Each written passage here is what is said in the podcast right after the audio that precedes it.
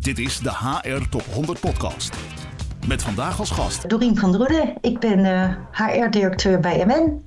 Dit is mijn vijfde jaar. Ehm, ik woon in Utrecht. Ik ben getrouwd. Ik heb twee dochters. En uh, ik reis iedere dag, nou iedere dag, een paar dagen per week met de trein naar MN. Leuk, leuk Dorien dat we jou mogen spreken. Ik vond het hoog tijd, hè, want wij kennen elkaar al lang, maar je bent al uh, een paar jaar niet meer op de top 100. En wat mij betreft hoor je er helemaal thuis. Dus fijn om weer even bij jou uh, in te checken en te horen hoe het met je gaat. Um, misschien eerst even voor de luisteraar die niet weet wat, uh, wat jullie precies doen. Zou je iets kunnen vertellen over MN? Ja, dat kan ik me helemaal voorstellen. MN staat voor metaalnijverheid. Wij zijn de uitvoeringsorganisatie van een paar pensioenfondsen. En het grootste pensioenfonds is PMT, Pensioenfonds voor de Metaal en Techniek. Daar zijn 1,2 miljoen deelnemers bij aangesloten, 33.000 werkgevers. En wij zorgen ervoor dat actieve en gepensioneerden op het juiste moment, met name de gepensioneerden, op het juiste moment hun geld krijgen. Ja. Het juiste bedrag en de juiste mensen. En om dat geld ook echt uit te kunnen keren, hebben we twee grote poten. Een beleggingspoot, waarin we de premie beleggen van de deelnemers die inleggen. Ja. En we hebben een pensioenbeheerorganisatie waarin de pensioenen worden uitgekeerd, de administratie. En daar is ook het contact met de deelnemer. Ja, mooi. En um, hè, dat, dat, om meteen overgang te maken naar wereldvisie, hè, pensioen. Er is, gebeurt een boel uh, in pensioenland. Dat zal vast ook uh, consequenties hebben voor, voor ons vak. Zou je daar iets over kunnen vertellen? Ja, um, nou de grootste verandering die er aan gaat komen, en dat zullen zeker haar mensen ook gehoord hebben, is dat uh, de wet toekomstpensioenen eraan gaat komen. Mm. Uh, in de volksmond ook wel het pensioenakkoord genoemd. Uh, die is nog niet op alle punten geaccordeerd uh, door de Tweede Kamer. Dus uh, dat is nog even spannend. Maar die wet behelst, en dat is misschien goed om even kort inhoudelijk toe te lichten. Die houdt in dat waar je nu een soort pensioenaanspraak hebt van hé, hey, als ik met pensioen ga, dan ontvang ik dit en dit. Mm. Dat wordt straks een individueel pensioenpotje voor alle deelnemers. En dat potje gaan we heel transparant communiceren mm. met alle mensen die straks van het pensioen gaan genieten en het opbouwen. En dat is best ingewikkeld, want gemiddeld gaan mensen pas naar hun pensioen kijken als ze boven de 50 zijn. Ja. En straks moeten we maandelijks communiceren over de waarde van dat pensioenpotje. En dat kan door de beleggingen omhoog gaan, omlaag gaan. Mensen krijgen inzicht in kosten. Dus er is heel veel te bouwen om de IT-systemen daarop in te richten. Ja. En er is heel veel voor te bereiden op het gebied van communicatie. Ja. Met alle deelnemers die pensioen uh, opbouwen en pensioen gaan genieten. Een ja. revolutie in pensioenland. Ja, ja, nou zo klinkt het inderdaad. En vind je het een goede zaak of uh, zie je beren op de weg? Misschien um, beide. Ja, er zitten plussen en minnen aan. Persoonlijk, uh, ik ben geen expert op dat gebied. Dus vakinhoudelijk is het heel ingewikkeld om goed te begrijpen waar alle dilemma's liggen en afwegingen die pensioenfondsen moeten maken. Mm. Maar je zou denken, transparantie is goed. Er zit ook een keerzijde aan. Het geld kun je nog niet aankomen totdat je pensioengerechtigd bent. Um, maar ja, ik vind het heel lastig als we het allemaal moeten uitleggen. Ja. He, dit is heel ingewikkeld. Dus het is een enorme mindshift om burgers meer bewust te maken van jouw uitgestelde loon. Ja. Je tweede grootste arbeidsvoorwaarde. En breng dat maar eens over het voetlicht. Ja. Dat wordt heel complex. En men verwacht daar heel veel vragen op.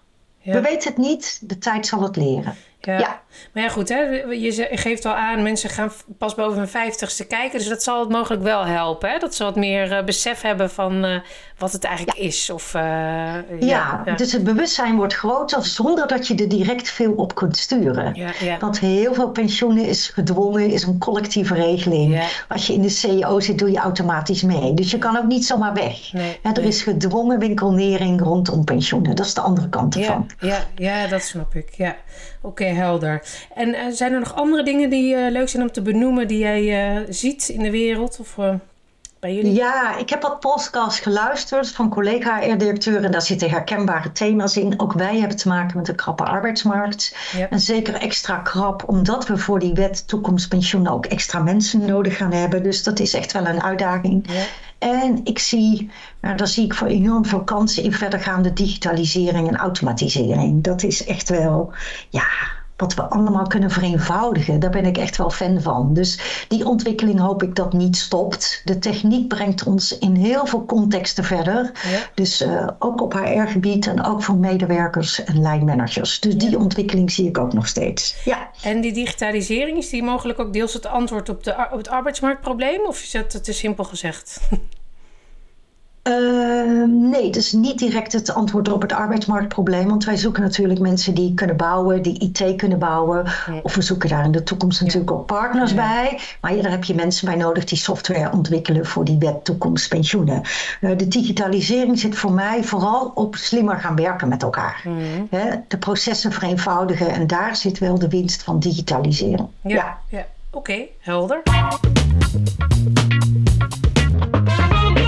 Je gaf net al aan dat er meer inzicht komt voor mensen in hun pensioenpotje. Hè, en dat dat plussen en minnen heeft. En uh, zo zijn er denk ik heel veel vraagstukken nu die plussen en minnen hebben. Hè? Die hebben wij een beetje samengevat in balans. Um, en ik ben benieuwd hoe, um, wat jij daarvan tegenkomt. Nou, laat ik met een, uh, een grote plus en min beginnen die wij hebben. Die hebben veel organisaties. Wij hebben anderhalf jaar geleden een knip gezet tussen beoordelen en belonen. Mm ja. Um, dat zag je veel gebeuren, alle negativiteit. Het gaat uiteindelijk om continu in gesprek zijn met elkaar over je ontwikkeling, over je prestaties en over het leren. Dat is eigenlijk de opdracht. En dat hebben we opnieuw vormgegeven binnen MN uh, in een project Next Me. Uh, gebaseerd op het uitgangspunt, nou, iedereen kan zich natuurlijk ontwikkelen, maar ook een volwassen relatie tussen werkgever en werknemer. Uh, dat is ook goed werkgeverschap, dus we hebben de medewerkers in de lead gezet. Ja. We hebben gezegd, luister, salaris gaat op uh, ieder jaar, wordt er een verdeelpercentage gemaakt, dat gaat automatisch. Daarom kan jij focussen op wanneer je maar wil in gesprek zijn over je ontwikkeling. En mm. jij bent in de lead. Mm. dat is alle medewerkers hebben daar kennis mee gemaakt, hebben daar workshops op gevolgd op die mindset met tools en hulpmiddelen. En we zijn nu bijna twee jaar verder en dat is best ingewikkeld. Mm. in de plussen en minnen dat mensen, want uh, het gaat van de agenda af bij mensen. Mensen laten zich graag leiden door de waan van alle dag, het werk wat moet gebeuren, daar zit commitment op. En echt praten over je ontwikkeling. Van Waar ga je naartoe? Waar sta je over een paar jaar? En wat heb je nodig? Ja. Om zelf daarop het uh, stuur vast te pakken, vinden mensen nog best lastig. En dan krijg je een soort balans. Hey, die lijnmanager zal toch ook in beweging moeten komen om uh, dit initiatief bij de medewerker neer te leggen, maar daarna te vragen. Dus je hebt elkaar nodig om dit gesprek te borgen. Ja. vanuit die volwassen verhouding waar je graag naartoe wil. En uh, dat is best ingewikkeld. En ik denk dat we daarin nog onvoldoende succesvol zijn. Dus als je vraagt uh, thema's voor 23, dan zullen we vanuit HR hier meer op moeten gaan sturen en regie moeten nemen, zonder dat we het over gaan nemen. Ja. Dat is de opdracht. Ja. ja. wel goed dat je dat benoemt, want ik denk hè, een paar jaar geleden dat veel organisaties dit, dit hebben gedaan, hè, maar inderdaad en toen ook veel over hebben gecommuniceerd, maar het is goed ook om ook te horen hoe dat dan gaat, hè, een tijdje later. En wat ik eigenlijk ook wel hoor, is dat je misschien een beetje een stok achter de deur mist, hè, of uh, waarom je, of een waarom je uh, met elkaar het gesprek uh, voert. En bij mij komt dan ook meteen op van misschien wil niet iedereen feedback. feedback is ook niet altijd per se leuk. Ja, wel als het goede feedback is. Of, of zie jij dat anders? Nee, feedback moet vooral gericht zijn met elkaar in gesprek vanuit een ambitieperspectief hey, hoe vond je dat ik het deed? Welke tips heb je voor me? Wat kan ik beter doen? Maar jij bent in de lead. En vooral daar gaat het over. Mm. En dat helpt ook dan als complimenten worden gegeven. Want dat is voor mij net zo belangrijk dan als dat er uh, tips moeten worden gegeven over wat allemaal niet uh, goed ging en wat beter kan. Dus als je de lead neemt op je eigen ontwikkeling, weten we dat feedback een belangrijk hulpmiddel is. Ja, daar hebben we een, een, tool voor aangeschaft om dat gemakkelijk te maken. En we zien gewoon dat dat te weinig wordt gebruikt. Ja, ja. En daar ligt dan ook de noodzaak om te zeggen van... hé, hey, welke initiatieven kan HR nemen? Wat ik al zei, om niet de regie over te nemen... maar wel te faciliteren, lijnmanagers en medewerkers... om hier, uh, nou ja, ja. in de juiste balans aandacht aan te besteden. En, dan hoor ik jou zeggen, de sleutel ligt vooral bij die, bij die manager. Hè? Die, moet, die zou het uh, gesprek moeten initiëren. Het is een, ja. ja het is een wederzijdse verantwoordelijkheid. Ja. ja. ja. Maar, kan maar de manager mag initiëren, absoluut. Ja. En zijn er nog andere thema's op die balans die leuk zijn om te noemen? Ehm, ja, ik vind ook wel de balans waarin je ehm, in uh, differentiëren en de dingen simpel maken. Dus ehm, ik geef je een voorbeeld. We hebben natuurlijk te maken gehad met thuiswerken. En dan voer je een discussie van: hey, zullen we iedereen een budget geven dat hij zelf zijn eigen werkplek kan inrichten? Of zullen we mensen gewoon een standaard stoel geven in drie varianten? Ja, um, ja het klinkt heel bazaal, maar dan kan je wel. Dat, raakt, aan het, dat raakt, dat raakt aan het principe van: hé, hey, hoe houden we het simpel? Als we geld geven, weten we dan dat iedereen dat wel besteedt. Moet iemand declareren? Kan die de werk. Keep it simple gecombineerd met waar je ook eigenlijk arbeidsvoorwaarden graag in geld of tijd wil uitdrukken. Nou, dat zijn van die afwegingen die we met regelmaat uh, tegenkomen. En uh, ja, we zien steeds meer vereenvoudiging van onze arbeidsvoorwaarden. Een voorbeeld daarvan is dat we eigenlijk onze lease-regeling is helemaal groen. Je mag alleen maar elektrisch rijden. Mm. Maar we zijn ook gestopt eigenlijk met de lease-regeling voor nieuwe collega's. Oh ja. Die krijgen gewoon een budget. Oh ja. Ja maakt het allemaal super eenvoudig. Want mensen hebben altijd allerlei wensen rondom de auto, allerlei vragen. En ik ben met een relatief klein HR-team. Ja, en dan wil je wel kunnen faciliteren. Ja. En dan leg je de verantwoordelijkheid gewoon bij de medewerker zelf neer. Ja.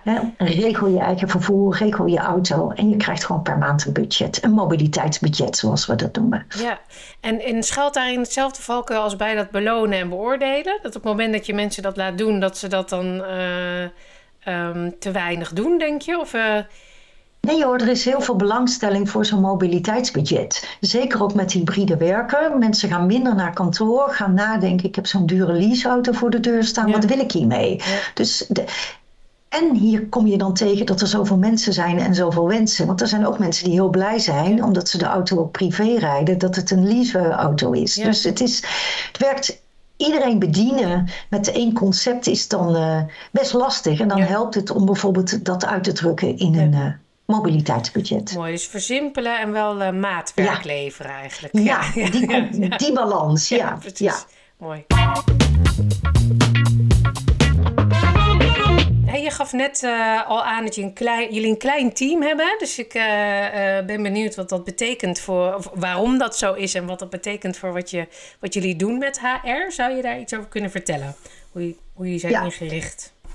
Misschien iets vertellen over de omvang van MN. Dat had ik nog niet verteld. Er werken 800 mensen staan bij ons op de payroll, ongeveer 200 externe. Met name ook voor de bouw van IT-systemen, op uh, de vernieuwing van die pensioenwet. Mm. Um, en ik heb vier businesspartners. Ik heb twee recruiters. Ik heb uh, mijn back-office personeelsadministratie zijn vijf mensen die enorm ook aan projecten werken op digitalisering. Ik heb een arbeidsvoorwaarden specialist en ikzelf. Dus we zijn relatief klein. Mhm. En dat betekent dat die businesspartner een hele mooie rol heeft, want die heeft een regierol. En dicht bij de business, ik zeg altijd uh, eh, 80% bij je business werk je, dat is je klant, daar doe je het voor die uh, ontzorgen van managers en faciliteren van medewerkers met, uh, om te zorgen dat zij hun werk met plezier kunnen doen. Mhm. En die businesspartners die hebben op vraagstukken een regierol om van buiten naar binnen kennis in te huren. Mhm. Dus vraagstukken op het gebied van development, zo dicht mogelijk bij de business, daar ligt de verantwoordelijkheid en dan huur je iemand in.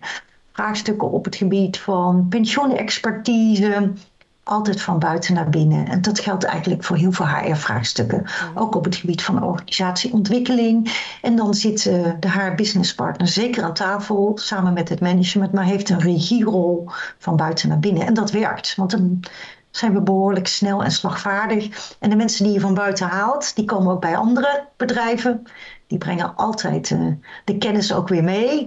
En op die manier borg je ook dat je nou, de modernste, klinkt misschien een beetje groot, maar dat je de nieuwste inzichten en ontwikkelingen van buiten naar binnen haalt. Mijn arbeidsvoorwaardenadviseur is ook extern, die heeft ook weer netwerken buiten de deur, waardoor het van buiten naar binnen komt. Ja. dat is eigenlijk heel fijn. Mooi. Dus dat zegt iets over jouw blik op uh, de rol van HR, hè? over uh, wat, wat, uh, wat, je, wat je vooral toevoegt. Hè? Dus dat faciliteren en de regie pakken om hè, het eigenlijk te organiseren, zodat de kennis naar binnen komt. ja. Absoluut. Ja. En, en ja? Ja, ik wou zeggen, mijn recruiters heb ik dan wel echt intern, want die moeten ook heel dichtbij zijn en die moeten de business goed begrijpen.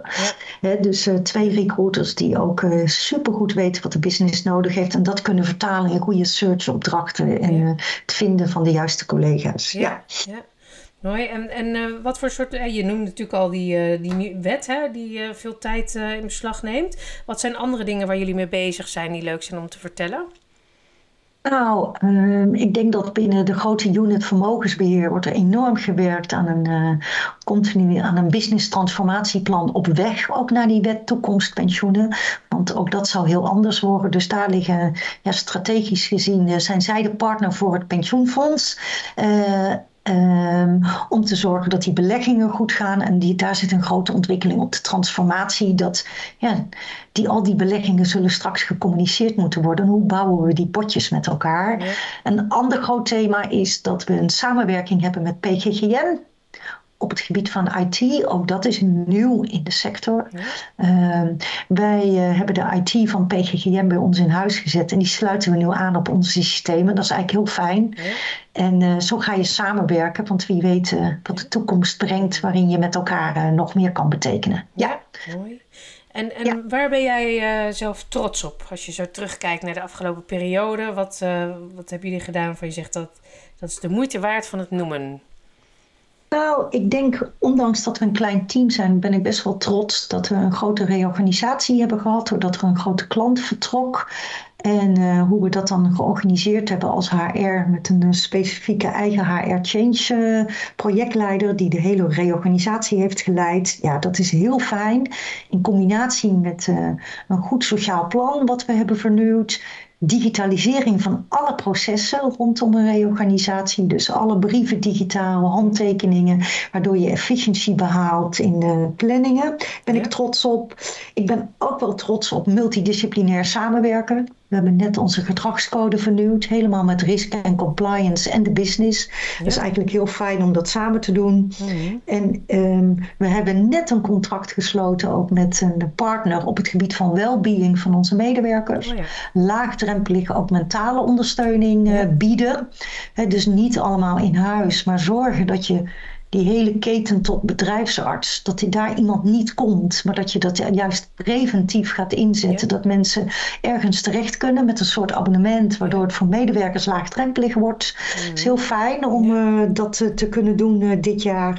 En dan vorige week heb ik een onderhandelingsresultaat voor de CAO gesloten. Ja. En dat is heel fijn dat dat ook heel snel kon gaan. Daar ben ja. ik ook best trots op. Ja, dat kan ik me voorstellen. Ja, superleuk. Er zijn natuurlijk heel veel andere dingen die we ook nog kunnen benoemen. Maar zo hebben we in ieder geval uh, in korte tijd een beetje een beeld gekregen van, uh, van wat je doet en wie je bent. En uh, nou, leuk om een constante lijn te horen in dat hè, willen versimpelen, digitaliseren en die regierol ja. te pakken. Dus ik denk dat je dat goed hebt kunnen overbrengen. Um, dus heel erg bedankt voor het delen van jouw verhaal. En tot de volgende keer. Nou, fijn om te kunnen doen. Dank je wel. Dit is de HR Top 100 Podcast.